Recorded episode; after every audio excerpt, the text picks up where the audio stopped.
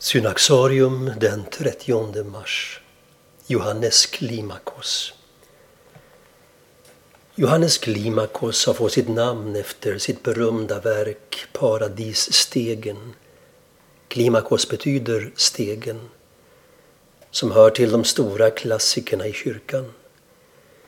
I boken som han skrev mot slutet av sitt liv sammanfattar Johannes sina erfarenheter på askesens väg och ger vägledning för vandringen mot paradiset. Titeln till boken förklarade han på följande sätt.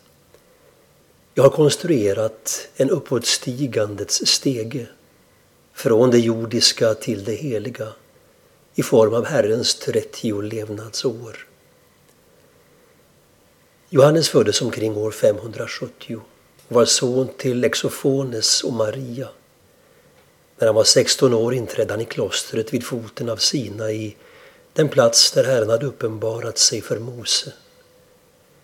Efter 19 år i klostret, där Johannes övade sig att leva i Kristi efterföljd i lydnad för sin andlige fader, drog han till sig tillbaka till ett liv som eremit.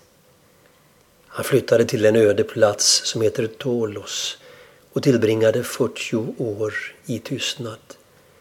År fyllda av fasta bön och omvändelsens tårar. Det är ingen tillfällighet att Johannes i sin bok talar mycket om tårarnas gåva. Precis som eld brinner och förtär ved så tvättar tårar bort all orenhet, både yttre och inre, skriver han.